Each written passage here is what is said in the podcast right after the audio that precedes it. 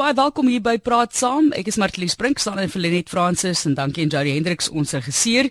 Reg en verkeerd klink soos twee eenvoudige woorde en konsepte, absolute pole in sommige mense se lewens, maar vra vir iemand hoe hulle reg en verkeerd bepaal in hulle lewe, dan verskil die antwoord baie vinnig vinnig van mens tot mens.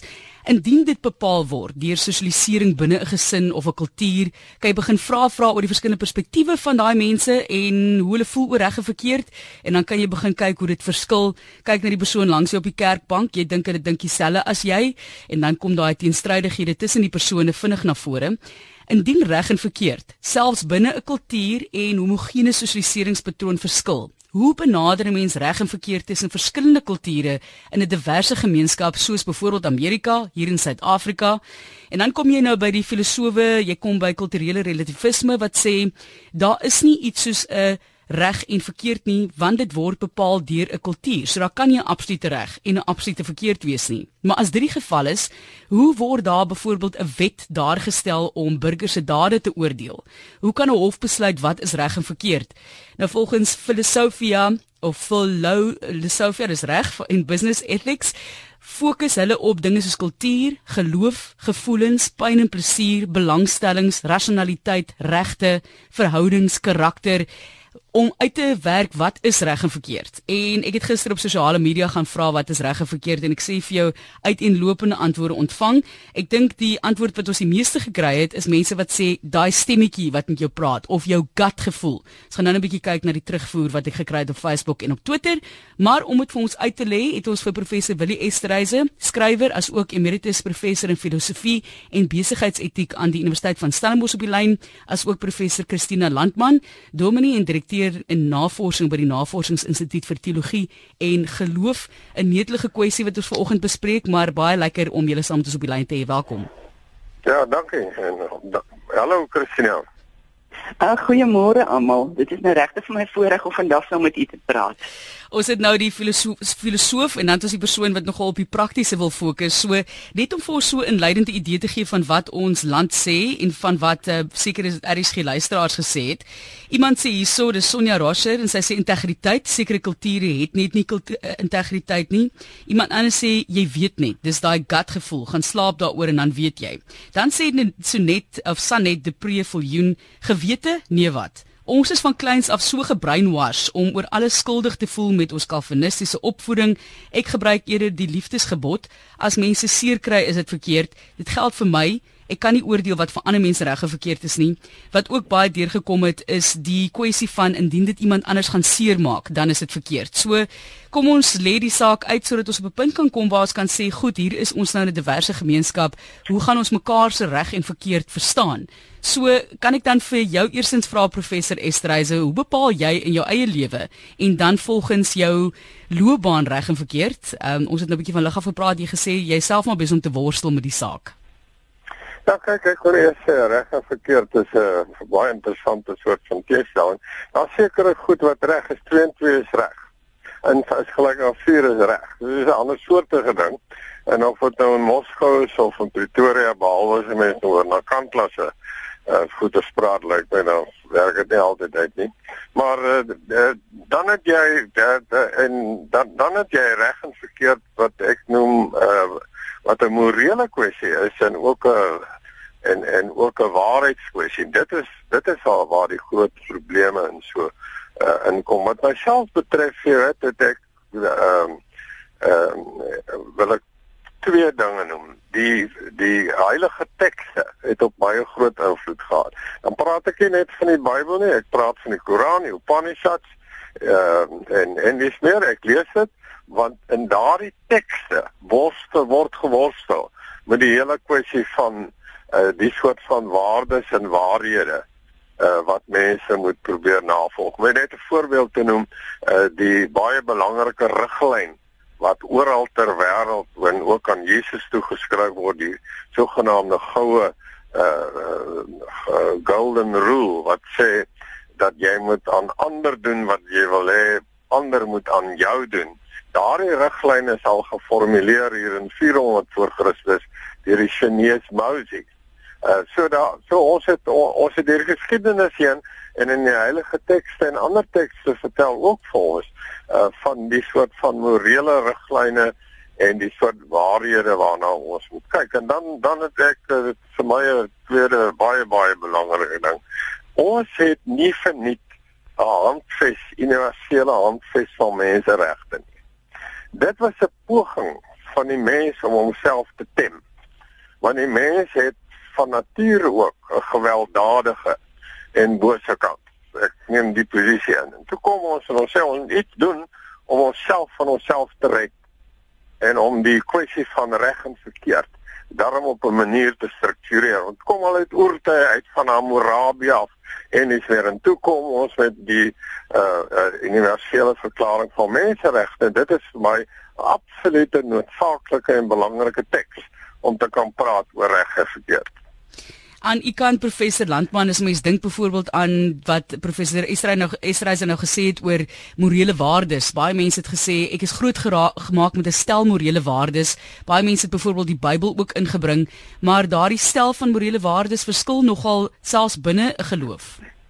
Ja, ek sou graag daaroor wil praat, mag ek ook my inleidende twee puntjies maak? Asseblief, ja. Die derde ene. Dankie professor. En ek ek is nie 'n filosoof uh, filosoof nie, so ek werk maar meestal in die praktyk met hoe lyk waarheid en wat doen waarheid of ons opvatting oor wat waarheid is. En die eerste ding wat ek wil sê is ehm um, wat wat nogal belangrik is is om te weet waarom om 'n Engelse frase te gebruik, why are people not free to be moral?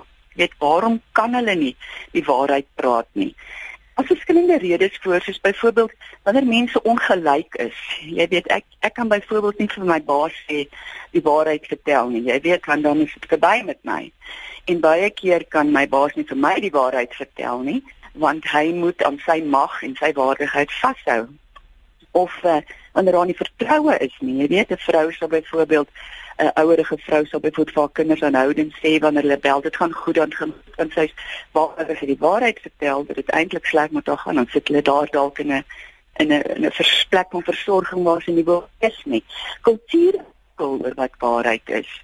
Ehm um, as ek byvoorbeeld 'n voorbeeld kan noem van ehm um, Jesus aan die kruis is vir vir baie kulture moeilik om te verstaan omdat hulle in hulle kultuur nie 'n geskende en 'n bebloede liggaam aan ander sal wys nie.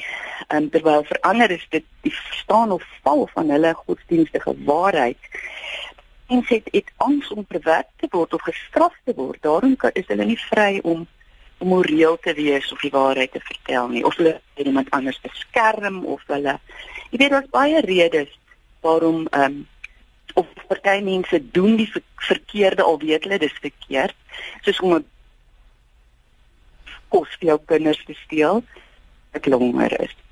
Ehm um, nou kan 'n mens vra nou wat da, wat hoe hanteer ons dit? Ehm um, want die tweede punt wat ek nou juist wil maak is dat ehm um, baie mense ons ons weet ons kan nie net sê mense moet weet wat is reg en verkeerd nie. Jy weet die jong teologie studente kom altyd en dan vra jy hulle, "Kom wil jy teologie studeer?" en sê hulle, "Ek wil vir die mense leer wat is reg en verkeerd." En dan gaan die hele wêreld reg wees. Die reg en verkeerd het ek geleer van met my geloofsstelsel en dis wonderlik dat ons geloofsstelsel het wat dit doen. Maar die punt is baie mense doen die verkeerde of hulle lieg uh, in aanhalingstekens gewoon omdat hulle omstandighede die die die die die, die narratief stories van hulle samelewing in 'n naïef hou. Jy weet, 'n man sal byvoorbeeld sien ek het dit baie gehoor. Ehm um, jy weet ek is God het my uh aangemaak. As ek my vrou slaan, is dit nie jou besigheid nie. Hou jou neus op my sake uit. Jy weet, ehm um, en dan sal hy die Bybel in daai verband aanhaal. Uh, en is nou waarheid of is dit nou nie die waarheid nie? Um, of is dit 'n 'n diskurs wat hom gevang hou en ons almal. Um, en en ek dink ons kan ons moet maar erken dat waarheid is 'n sosiale konstruksie. Ons ons sê wat is waar omdat ons dit in ons samelewing geleer het, omdat ons so groot geword het. Daarin gedog doppers gaan help toe weet jy omdat uh, jy weet dit is amper half wat die idee wat ek daar gekry het ek nou 'n dogtertjie van van 6 of 7 was. Om my waar te sê ek 6 of 7 was ek nie geweet daar is doppers nie. Ek gedoog daar was net net een kerk op aarde. Ja. So uh, en dan my laaste puntjie voor ek maar 'n nou bietjie sal asemhaal is dat um, uh wil ek net miskien verwys na 'n aardige ding wat ons in ons navorsing opgetel het en dit is dat jong mense uh, uh ons het hulle nou gevra, jy weet hoe hierdie ding van reg en verkeerd en wat is hulle verhouding met die kerk of met enige geloof? En daar was 'n aardige tendens by hulle om te sê dat weet jy, hulle wil teruggaan na 'n baie sterk rigiede ehm um, waarheid reg verkeerd stelsel. Want dit hulle voel jy weet die vryhede wat hulle het werk nou nie meer vir hulle nie. Hulle is nou siek, hulle is geïnfekteer, hulle is ehm um, toekomsloos. Hulle weet nie waar jy nie, hulle soek iewers 'n baie sterk en rigiede stelsel. En ons het ook navorsing in in in uh, gevangenisse gedoen waarvan die mense gesê het hulle daar daarvan die mense was nou wat wat moslems geword het omdat hulle sê die die Islam gee vir hulle baie sterk rigting wat is reg en wat is verkeerd. Hulle wil nie meer wonder wat is reg en wat is verkeerd nie. In die Islam is daar 'n gebed, is daar 'n reël en 'n gebed vir elke ding wat is reg is verkeerd. Daar het ek nou my inleidende stukkie gesê. Dit is die stem van professor Christina Landman, ook professor Willie Estreise wat ons help deur hierdie netelige kwessie van hoe word reg en verkeerd bepaal en daar's 'n paar mense wat al reeds hulle opinie lewer. Dit is op 45770. Dis rand 50 per SMS. Wat is reg? Wat is verkeerd? Hoe word dit bepaal? En hoe bepaal jy reg en verkeerd binne 'n diverse kultuur wanneer elke kultuur op baie vlakke hulle eie reg en verkeerd het? En dan 'n mens nog later oor wat meer reg en minder verkeerd is, soos wat professor Landman ook gesê het om, jy weet, kos vir jou kinders te kry op daardie vlak hoe moeilik dit kan raak. Kom ons kyk na die SMS'e. Nou goed, iemand sê die subjektiewe gevoel van jou gut is onaanvaarbaar as bron van reg en verkeerd. Die enigste onpartydige standaard word gevind in die 10 gebooie wet van die Bybel. Dit is van toepassing alle mense, rasse en tale. Daar is nêrens 'n soortgelyke geskrewe sedert ehm um, of wet onder alle nasies te vind nie, dis anoniem. Nou die woord wat daar vir my uitstaan is onpartydig want ek weet nie of dit uh, relevant is in daardie stelling nie. Iemand sê verkeerd is om jouself ten koste van jou medemens te verryk. Dit is Andrius wat so sê. Pietro Pinaar sê dis juis in 'n diverse nasie dat mense vaste reëls moet hê. Reg is reg, verkeerd is verkeerd. Mense is nie half swanger nie, maar uh, professor Israel het reeds gesê 2 + 2 is 4, maar dan is daar ander kwessies wat 'n mens kan bevraagteken oor wie voel dis reg en verkeerd, maar sy sê verder, dis juis omdat ons nie na God luister nie, dit alles die mekaar is. Basta met alles maar te lees, elke een weet self die verskil. Luister daarna. Dit kom van Maria. Die skade tussen reg en amper reg is groter as die verskil tussen reg en verkeerd. Die 10 gebooie is 'n universele standaard, dit kom van Marita. En dan 'n uh, een wat ek dink nogal aansluit by professor Landman se stelling vroeër, dis Sarah of Sarah wat sê ek weet net een ding. In sommige gevalle as jy opstaan vir wat reg is, is jy gesien as die probleem. En in baie van die akademiese artikels wat ek ook gelees het, sê hulle juis daarso dat baie mense is geneig om sekere dinge te sê is reg want is aanvaarbaar in daardie samelewing professor Landman so ons volg wat die samelewing sê is reg en ek dink daar sekerre dinge wat meer reg is as ander dinge of hoe Professor Landman? Ja, ek het ehm um, soos ek net net probeer verduidelik het is dat ehm um, daar is regtig ehm um, dit mense omstandighede sodanig en die die die die stories of die die die diskurse wat hulle en die gelowe wat hulle denke betaal het bepaal het so invloed op wat hulle doen. Dat 'n mens regtig ehm um, baie moeilik wees daar net van waarheid kan praat want jy moet praat wiese waarheid is dit. Ehm um, en maar aan die ander kant um, om 'n leuen te vertel of 'n of 'n te weet daar is ander waarhede maar jy hou aan hierdie een waarheid vas. Dit dit het gevolge. Dit is nie onskuldig nie. 'n Leuen is nooit onskuldig nie. Want as jy nie opstaan vir jou regte nie, as jy nie opstaan vir die waarheid nie, dit het gevolge. En ons sien al hierdie dinge in ons politiek vandag sonder dat ek nou politiek wil praat, is dat wie hierdie reg, wie is sterk genoeg, wie kan opstaan en sê maar maar dit is die regte pad wat ons moet vat want ons het maar deur die geskiedenis gesien dat mense wat dit gedoen het val in die godsdienstoorlog het baie baie swaar gekry. Hulle is ja, hulle is gekruisig. Ek dink Jesus het waarhede gesê wat wat baie baie ongemaklik is vir die wat vir die magsjagse Romeine en vir die godsdienstige owerhede van sy tyd. En hy's gekruisig. Maar ons glo dat hy opgestaan het. So daar is um, en weet jy ek staan nou die dag in in in, in Praag vir werk maar en ek sien daar 'n beeld van Jan Hus wat nou groot Praagse hervormer was. Hy's gebrand en daarna het hierdie Sitiese oorlog uitgebreek. En uh, uh wat wat nou teen soort van die rooms-katolieke owerhede teen nou die hervormers was. En weet jy 40% van die samelewing van die bevolking is so uitgeroei. Uitgeroei 40% van daai wat ons nou later as Tsjechoslowakye weer ken het, is uitgeroei in daai oorlog. So wanneer is nou die moeite werd om die waarheid te praat? Mag 'n mens doodmaak vir die waarheid? Moet jy die waarheid bemiddel? Ek dink dit is dit is dit is nou hier op ons Suid-Afrikaners se voorstoep soos nog nooit tevore nie. Moet ons waarheid bemiddel. Dan daar's martelare. Daar gaan daar is martelare. Ons het nou martelare. Maar martelare vir watter waarheid? Ek wil nou nie meer filosofies word nie. Ek dink jy moet nou vir professor Estreys stel om daarin verder te vat. Dit is baie interessant te gesels oor die bemiddeling van die waarheid. Dit is uh, vir my 'n uh, interessante konsep daardie. So ek dink ons moet nou 'n bietjie daarna kyk, maar professor Estreys, as mense nou begin kyk na kwessies soos en ek gaan nou 'n paar uh, omstrede kwessies in jou rigting gooi, dan moet jy vir my sê as 'n mens nou kyk die die woord onpartydig in daai stelling van geloof en die 10 gebooie was my nogal iets uit uitgestaan dat 'n persoon dink dit is onpartydig en die kwessies van poligamie, doodstraf, gay verhoudings binne daardie kulture is daar geweldig verskillende sienings daarvan. So gee vir ons jou insigte dalk oor daai drie voorbeelde. Ja nee, goed, ek ek is 'n afgetrede uh, filosoof hoor.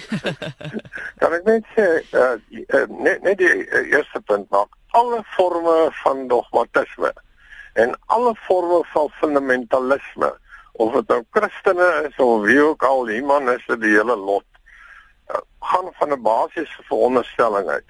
En dit is dat dit wat hulle as hulle waarheid identifiseer of wat hulle dink in hulle heilige teks vir hulle die voorskrifte gee. Ehm um, hou verband met die ding dat hulle net een konsep het van waarheid en nie bereid is om relativiteit te aanvaar nie. Ek gaan sê en ek uh, respekteer diegene wat weet verwys na die 10 gebooie en na die Bybel en Jesus en so. Ek doen dit self.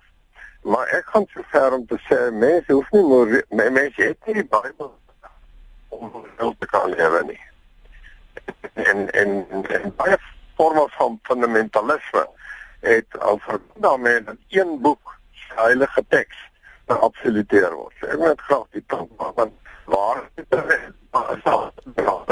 relatief relatief daarom het die ou Grieke gepraat van dialoog en dialektiek waarmee hulle wou sê ons is maar altyd op soek na die waarheid. Die vraag is hoe jy dit soek en saam met wie en met watter teks aanmoed hy. En ek het self uh, het 'n baie sterk uh, uh, ek wil dit maar noem persoonlike verbintenis met die boodskap van Jesus of Jesus nou maagdelik was eh wat ook al dit dit ek het absoluut vrede daarmee. Vir my gaan die teks en die boodskap waarmee hy hom besig gehou juis oor hierdie kwessie van dat ehm um, jy moet uh, 'n etiek van omgee bevorder en jy moet uh, jy moet jou naaste lief hê soos jouself. En dis soort van goed. Uh so die die die moeilike vraag wat jy gevra het en ek het nou nie kan gehad om aan genoeg aan te dink. Die blote feit is dat wat ons ook al sê is dat kultuur speel 'n rol en verskillende kulture kyk anders, nie net na hulle tekste nie, maar kyk ook anders na hulle ervarings en dis weer en daar is geen kwessie nie dat sosio-ekonomiese faktore 'n deurslaggewende rol speel in dit wat mense as hulle waarheid en hulle sekere hier aanvaar. Net 'n afsluiting, jy weet, uh, as ek nou terugkom, ek uh, ek word doen dit so 'n bietjie omdat um, tekste en boeke speel in my lewe 'n baie groot rol. As jy nou net gaan kyk na Margaret Stowe se boek wat ek in my jong dae gelees het, Uncle Tom's Cabin. Daardie boek het 'n baie groot rol as die Bybel in die destydse uh, Verenigde State gespeel om die kwessie van slawerny uiteindelik so uh, baie punte kry waar ons sê nee, dis verkeerd. En ek dink dit is die eintlike vraag waaroor dit gaan wanneer en hoekom mense by die punt wat hulle sê nee. Uh soos die ander baptiste en soos die kwakers dit teenoor oorlog en die soort van goed gesê het. Ek wil terugkom na daardie sosio-ekonomiese faktore wat 'n bydrae maak tot wat reg en verkeerd is en dan die bemiddeling van reg en verkeerd want ek dink ons het dit nodig om te bepaal hoe ons ons samelewing daarstel, hoe ons wetlike stelsels oor sake besluit. Dit het regtig kan ek sê voelers of het 'n bepaling op alles in ons in ons samelewing, alles van die ekonomie tot ons geloof tot ons verhoudings tot ons skool, ons kerke en op die SMS lyn is mense besig om baie met ons saam te gesels. Iemand wat hierso sê ja nee, kyk, ehm um, dis dis amper soos kos vir mense sê Andrei. Wat reg is, ehm uh, wat reg en verkeerd is, maklik. Sleg sê hulle is reg lekker is verkeerd. So dit is wat Andrei sê. Dis maar 'n morbiede siening van daardie saak en iemand sê reg of verkeerd is in the mind the choice the decision the instinct. Dis 'n boodskap wat ook daar deurgekom het en dan sê iemand hierso natuurreg filosoof glo elke mens het 'n ingebore idee van wat reg en verkeerd is. Meisie sê die kerke preek kerklike dogma en politieke korrekte goed. Volg die Bybel, dit kom van haar af. En kom ons hoor wie is op die lyn. RSG goeiemôre en jou opinie vanoggend. Môre, dit is Pinaar van Kennis en wat praat. Goed, jou punt. My ons praat nou baie oor waardes. Al kan ek 'n simboliese ding gebruik en sê ek dink waardes is soos 'n hawe wat vasanker is langs die kus en dan die see, die skip is is geanker in die hawe. En lewe is soos 'n skip. Almal van ons wil uitgaan, ons die lewe gaan ontdek. En as ons dieper in die see gaan, ons begin nie meer die hawe sien nie dan raak ons bekommerd, dan kom ons weer nader terug na die hawe toe. Maar dit is nou vir my so al asof ons die hawe losmaak en laat die hawe agter hierdie skip aangaan al dieper en dieper in die see. Met ander woorde, ons verander waardes, ons verander standaarde, ons verander 'n klomp goed om by ons as mense aan te pas omdat ons dit so wil hê. Dis vir ons gerieflik, dis vir ons lekker. Maar intussen vaar ons al dieper in hierdie oseaan in. En as ons terugkyk, ons sê nee, maar die hawe is nog nie naby ons. So dan ons voel kastig veilig, maar is nie meer veilig met die hawe wat losgebreek van al die waardes af. So dit is ek dis simbolies, ek weet, maar ek dink dis wat ons besig is om te doen in die wêreld. Oral met ons Bybel, al maak nie saak watter geloof nie. Ons maak aanpassings omdat ons mense nie wil geanker wees aan goed nie en omdat ons sekere waardesisteme laat tot nik gaan. Dis maar my persoonlike opinie. Ek weet nie wat sê jou gaste daarvan. Baie dankie meneer Pinaar. Daai teenisin luister vir ons by die radio wat hulle opinie is. My baie interessant wat hy nou daarso sê want ek dink dit sluit nou nogal aan by die sosio-ekonomiese faktore kwessie. So volgens hom is daar 'n keuse om so half die hawe te verlaat. Maar dan dink ek ook daar is sosio-ekonomiese faktore professor Estreise wat al, soms vir mense forceer om die hawe te verlaat. Kan jy absoluut. Kyk, ek het uh, ek is wat dit betref, uh, ek wil sê relatief nie, maar ek kyk baie soort van rustig na die daai die goed soos wat ek voel byvoorbeeld sê daar is nie sulke goed soos absolute ware waarhede, eh, morele waarhede en morele waardes nie. Jy sien die geskiedenis en jy sien nou in hy sê dit reg sê jy sien die oseaan en jy moet jou pad vind en dikwels ontdek ons nuwe dinge en gooi ons ander goed weg want ons uh, dit gaan en dan gaan dit ook nie net oor oorlewing nie dit gaan ook oor samelewing en hoe hoe vind jy mekaar uiteindelik binne 'n diverse samelewing so dit dit, dit ek het tog al 'n baie sterk eh, soort van mening daaroor en dit is waarom baie ek ek dis ek is ek terugkom na die kwessie van slawerny wil die panse het slawerny geregverdig. Aristoteles het dit gedoen. Waar is ons vandag ons sê vandag nee jy kan nie mense as kommoditeite behandel nie, maar die sosio-ekonomiese ek dink ek speel 'n deurslaggewende rol. Ek nou moet willig moet wees, jy weet die golden rule. Jy weet ek sê altyd kapitalisme beteken eintlik maar die wat die goud het, die maak die reëls.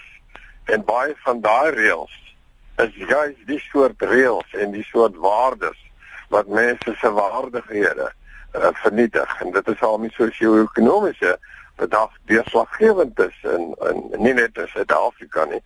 Daai vraag moet gevra word uh, en en want uiteindelik as ek nou 'n laaste punt net kan maak, die, die, die vir my gaan dit fundamenteel as ek oor waardes praat, gaan dit vir my fundamenteel oor hoe verstaan ons die woord geregtigheid en wat beteken geregtigheid? En dit is waarom ons uh, nie net wetgewing het nie, maar waarom die mense ook sekere prosedures en sekere reëlstelsels ontwikkel het om die hele kwessie van menslike geregtigheid, geregtigheid selfs teenoor die natuur en teenoor diere aan die gang te kry en daar soek ek my sekerhede. Professor Landman, ek gaan nou vir u kans gee. Kom ons hoor gou wie is op die lyn praat saam. Goeiemôre. Goeiemôre, ehm um, Martelies. Ehm um, ek dink ek dink ons sou hierdie gesprek gehad het as dit nie was vir vir reëls nie, want reëls is klaar daarso vasgestel. Maar ek dink die reëls is vasgestel op die konsep van reg en verkeerd van as jy iets 'n keuse maak, kom jy iemand te na, maak jy iemand seer, doen jy iets teen sleg teenoor iemand. En ek dink as 'n mens dit volg, dan jy maar dit, dit is basies wat morele waardes is. Goed, wat is jou naam te loops? Dis Waldo. Waldo, baie dankie vir inbel. Dis nou ook 'n belangrike punt wat Waldo daarse maak professor Landman. Daar kan ons nou daai konsep neem want 'n hele paar mense het gesê reg en verkeerd word bepaal deur hoe dit 'n ander persoon affekteer en ek wonder of dit nou nie dalk 'n raakpunt is nie want ek voel ons ons kom nie by 'n punt waar ons kan sê hoe jy dit bepaal nie want dit is so moeilik weens ons diverse kulture. Professor Landman? Ja, ek dink ons het vir haar verloor. Ek het so gevoel gekry vroeër dat uh, die lyn nie reg klink. Ek gaan dan nou weer probeer bel. Professor Estreise op daai noot dan. Dink ja, jy nee, mense kan dit volgens dit bepaal? Ek, ek sal ek sal net van as dit sê daar is so iets dat in in die die die persoon op 'n uh, uh, maar baie belangrike punt. Mense het ook jou eie menings oor wat reg en verkeerd is. En jy het jou eie persoonlike riglyne oor hoe jy uh, die kwessie van reg en verkeerd en waar en waardes hanteer. Maar dit gaan oor meer as bloot net persoonlike of subjektiewe is uh maniere om oor waarheid uh, en reg en geregtigheid te praat. Samelewings vorm ook reëlstelsels. Nou Suid-Afrika bestaan nie net uit 'n hele sweterjoel van mense wat uh, net subjektief kan lees nie. Jy het ook iets anders.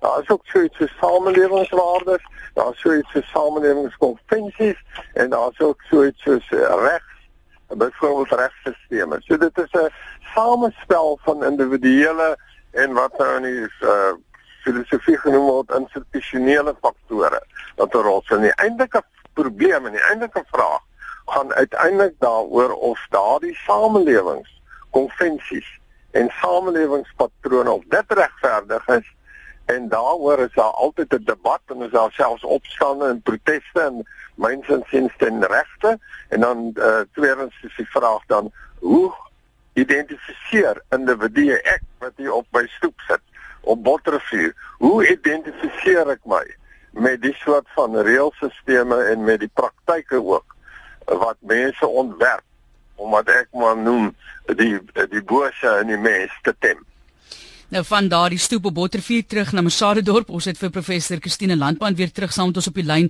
Professor, ons voel so 'n bietjie vasgevall in die kwessie van hoe mens reg en verkeerd bepaal en Waldo toe ingebal en sê man, reëls is vasgestel op die konsep van reg verkeerd. Kom jy iemand anders te na? So baie van die terugvoer wat ek op Facebook ook gekry het, was iemand was mense wat gesê het, kyk, dit hang vir my af of ek iemand anders seermaak ja of nee. Dit is hoe reg en verkeerd bepaal word. Kan 'n mens daai as 'n maatstaf gebruik voel nie? Ehm um, weet jy ek eh, dit dit klink vir my baie aantreklik. Ek is nie 'n persoon wat kan sê wat is reg en verkeerd nie. Hemele behoed my. Ek kan maar net kyk hoe hanteer die samelewing reg en verkeerd. En ehm um, op die oomblik omdat Suid-Afrika ons voel is regtig regtig verkeerd is die samelewing besig om hierdie reg en verkeerd op vier maniere te hanteer. Kan ek dit gou-gou sê? Die een is regtig mense gaan terug na 'n tipe van 'n fundamentalistiese godsdiens ehm um, Christene en en moslems hulle teruggaan na na na kerke toe, na byeenkomste van 'n miljoen mense, na verskillende uh uh ehm um, omgewings waar iemand, 'n godsdienstige leier, iemand met gesag vir hulle gaan sê dis reg, dis verkeerd en hulle voel as ons dit doen, dan gaan die samelewing reg wees. 'n Tweede manier hoe die samelewing hanteer is hulle gaan na die howe toe. Hulle sê as die hof net sê, die hof net sê die regering is daar verkeerd of daai my buurman is verkeerd of so, die hof sal vir ons finale uitspraak gee. Dis ook 'n tipe van 'n fundamentalisme, weet jy. So aan die een kant gaan die samelewing na allerlei fundamentalistiese ehm um, gebruike toe. Die ander een is hulle marcheer. Soos vandag, die mense marcheer met brute krag en in getalle sal mense wys uh, wat is reg en wat is verkeerd. Ek sit baie keer op vergaderings. Ehm um, wel, selfs op vergaderings waar waar mense gewoon hulle self as reg bewys deur te sê maar deur ehm um, uh, uh, ander mense om hulle te skaar. As ons vyf is wat reg is en een is wat verkeerd is, dan is die vyf wat een iets sê is die mense wat reg sê. Nou 'n ander manier en dit is die manier lyk like my wat die luisteraar voorgestel het. Jammer ek het julle ruk lank verloor. Is om te sê maar kom ons kan ons dit nie hierdie waarheid bemiddel nie en kyk wat is die gemeenskaplike gronde tussen ons. Ehm um, soos en dan ons uh, gemeenskaplike gemeenskaplike waardes soos respek of wat maak ons heel, wat maak ons siek, wat ehm um, uh wat wat kan nie kom ons gee vir mekaar om, kom ons maak mekaar nie seer nie. Ehm um, dit is dis 'n wonderlike manier, maar dit dit neem nie die idee die die werklikheid van mag en magspel in uh in in in, in weet ons neem dit nie um, in berekening nie. Met ander woorde Professor ja. Ek dink ek het nou klaar gepraat. Ek wil nee. maar net sê uh, die die die, die moeilikheid wat Prof Christina nou gesê het.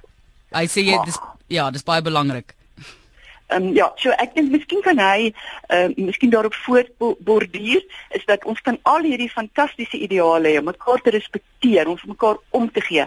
So ek gee vir jou om, ek respekteer jou, maar moet net nie jy mag oor my hê nie. Jy weet. Ja. Ehm um, so ek gaan nie vir jou soveel spasie, ek gaan ek gaan met jou saam praat en met jou bemiddel tot jy beheer oor my uh, oorneem. So ehm um, of totdat jy my mag wegneem. Ek sal met jou ja. ek sal met jou in in in in gesprek tree, maar die oomblik as jy aan my mag raak, dan is dit weg met jou. En ek is bekommerd oor hierdie twee tendense in die samelewing. Die een is dan um, om om terug te gaan na tipe van of wettige uh, wetisistiese um, fundamentalisme of dit nou die howe is en of dit nou die Bybel is en of dit nou die Koran is daai dinge het ek oor bekommerd. Ek is ook bekommerd daaroor dat ons met mag dinge wil regmaak want in die geskiedenis bewys dit gaan nie help nie en met getalle en dan te sê uh, daai met daai tipe dinge ding probeer regmaak. En um, so nie wat die pad vorentoe is nie. Ek wag nou vir professor van uh, vir die, vir die ander professor om vir ons te sê. Goed professor, ons moet ons op pad wees. Dis professor Landman wat so gesels as jy op praat saam. Ons kyk na reg en verkeerd, daardie twee konsepte en hoe dit bepaal word. Wat nou daar uitgestaan het professor Estreise, jy kan verder uitbrei fundamentalisme en mag. En dan moet mense weer ook self begin vra hoe fundamentalisme ontstaan het, hoekom dit sy kop uitsteek en onthou jy kan my bel as jy wil deelneem aan die gesprek 089 210 1004. Goed professor Estreise, u beam wat professor Landman sê. Ek beam absoluut. Ek dink ons is eintlik by die kern in die saak want dit is waarom ek uh uh entoesiasties oor die demokrasie is en waarom ek autokrasie as boos, sleg, gevaarlik en en een van die redes waarom daar nooit vrede op aarde sal wees nie.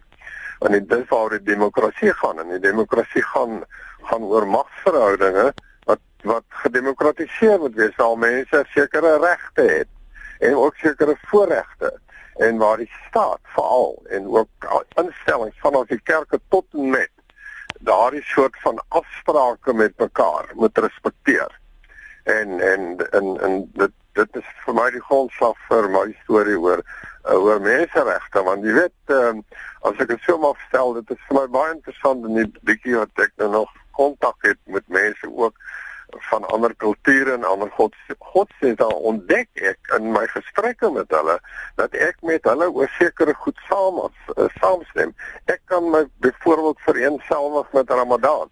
So daar is so iets soos gemeenskaplike waardes en en ek ek ek probeer eintlik 'n ander woord gebruik. Die Engelse woord is so maar ek dink uh, wat Karen Armstrong ook gebruik compassion. 'n mens het uiteindelik compassion en ek dink dit hou verband met 'n mens se morele verbeelding. Want as jy dit nie het en dan help dit om reg en verkeerd te praat nie. Goed. Uh en en so. En en en compassion ek kon dit net as jy ook verstaan wat beteken tolerance of of verdraagsaamheid en daarom is fundamentalisme of dit nou vir die Koran kom of vir die Bybel vir my die mees verwerplike en bose soort van verhaal wat uiteindelik demokratiese prosesse ondermyn. Kom ons hoor wat sê Edith van Vriendal Edith jou punt vanoggend? Ehm um, ek wil nou juis oor daardie fundamentalisme want dit is 'n gevaarlike ding om so 'n stelling te maak. Ehm um, as mense net die Bybel se uitsluitsel oor wette en regte lewenstyl aanvaar, word hulle baie keer as van fundamentaliste gebrandmerk. Maar volgens die Bybel ehm um, is mense se eie siening oor wat die Bybel sê tel nie. Die Bybel is duidelik en verklaar homself om daar in, in om daarby uit te kom moet die Bybel studeer word, die hele Bybel. Of iemand mag doodmaak terwyl van die waarheid wat ek ook hier vroeër in die program gehoor het. In die donker eeue het dit gedoen.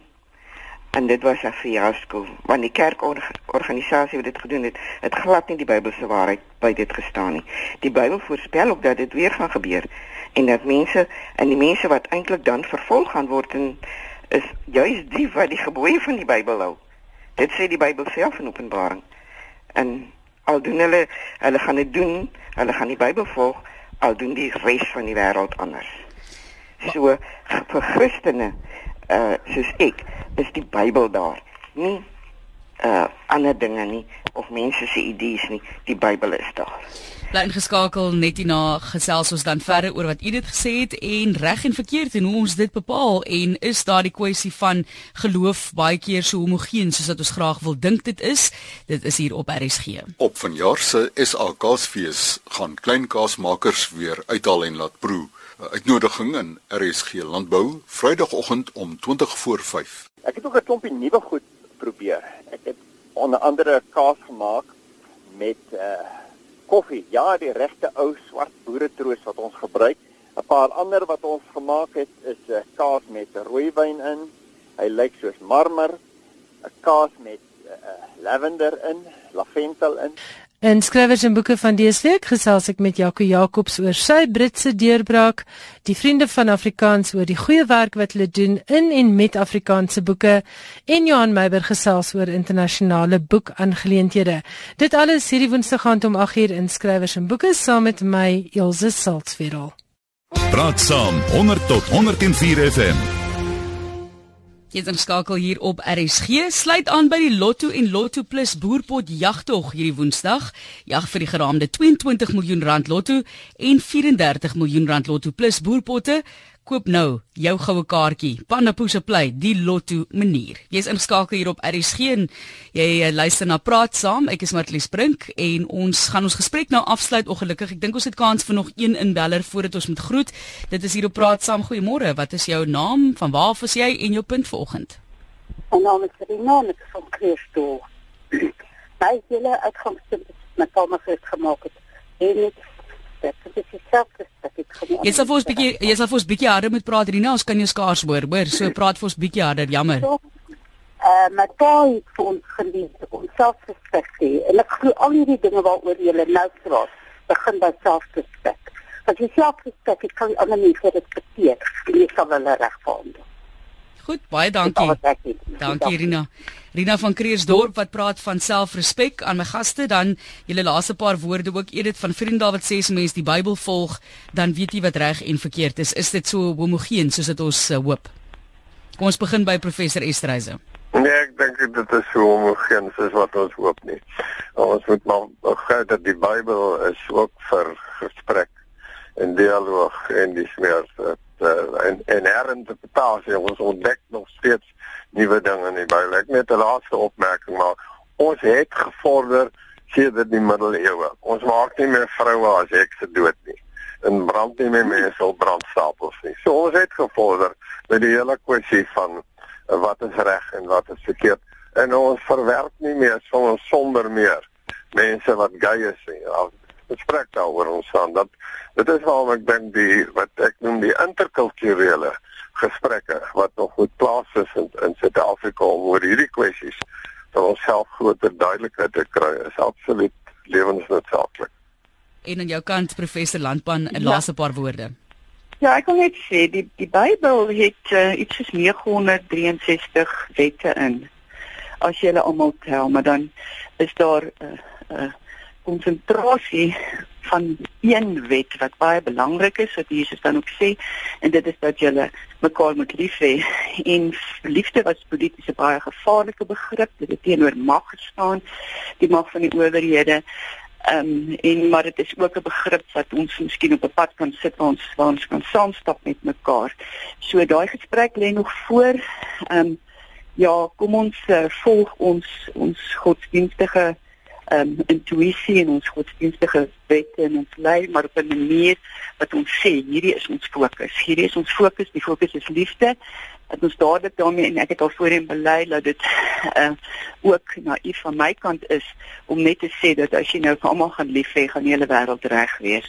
So kom ons dink gesofistikeerd oor hoe watter waardes ons met mekaar ehm um, uh, met mekaar deel dat ons mekaar respekteer en dat ons dan 'n demokrasie daarop rond op grond daarvan bou op die SMS lyn so baie terugvoer. Iemand wat sê it is an impossible question. En uh, dit is 'n boodskap wat daar verder gaan. Ongelukkig nie so baie tyd om alles deur te lees nie. Iemand sê dink altyd in groter geheel. Omring van plaag en pes kan jy besluit waar op die doem eers moet gerig word. Dis nou interessante een. Die liefde vir geld of mag is die wortel van alle kwaad sê 'n ander SMS en uh, dan is daar baie mense wat sê reg maak soms mense seer en dit is ook nou 'n boodskap wat hier deurkom wat in teenstryd is van wat Waldo byvoorbeeld voorgestel het dat indien dit iemand anders seermaak, is dit verkeerd. Daar moet ons haltroep vanoggend op praat saam. Môreoggend 8uur kan jy weer inskakel vir gesprekke van aktuële belang. En ons sê baie dankie aan professor Christina Landman. Sy is dominee en direkteur in navorsing by die Navorsingsinstituut vir Teologie en Geloof en ons het ook gesels met professor Willie Estreise, skrywer as ook emeritus professor in filosofie en besigheidsetiek aan die Universiteit van Stellenbosch wat vir ons insig gegee het in hoe ons besluit op wat is reg en wat is verkeerd. En dit bly nog steeds 'n vraagstuk vir ons maar hoe meer ons hierdie sake bespreek hoe beter kan ons mekaar ook verstaan binne 'n kultuur soos Suid-Afrika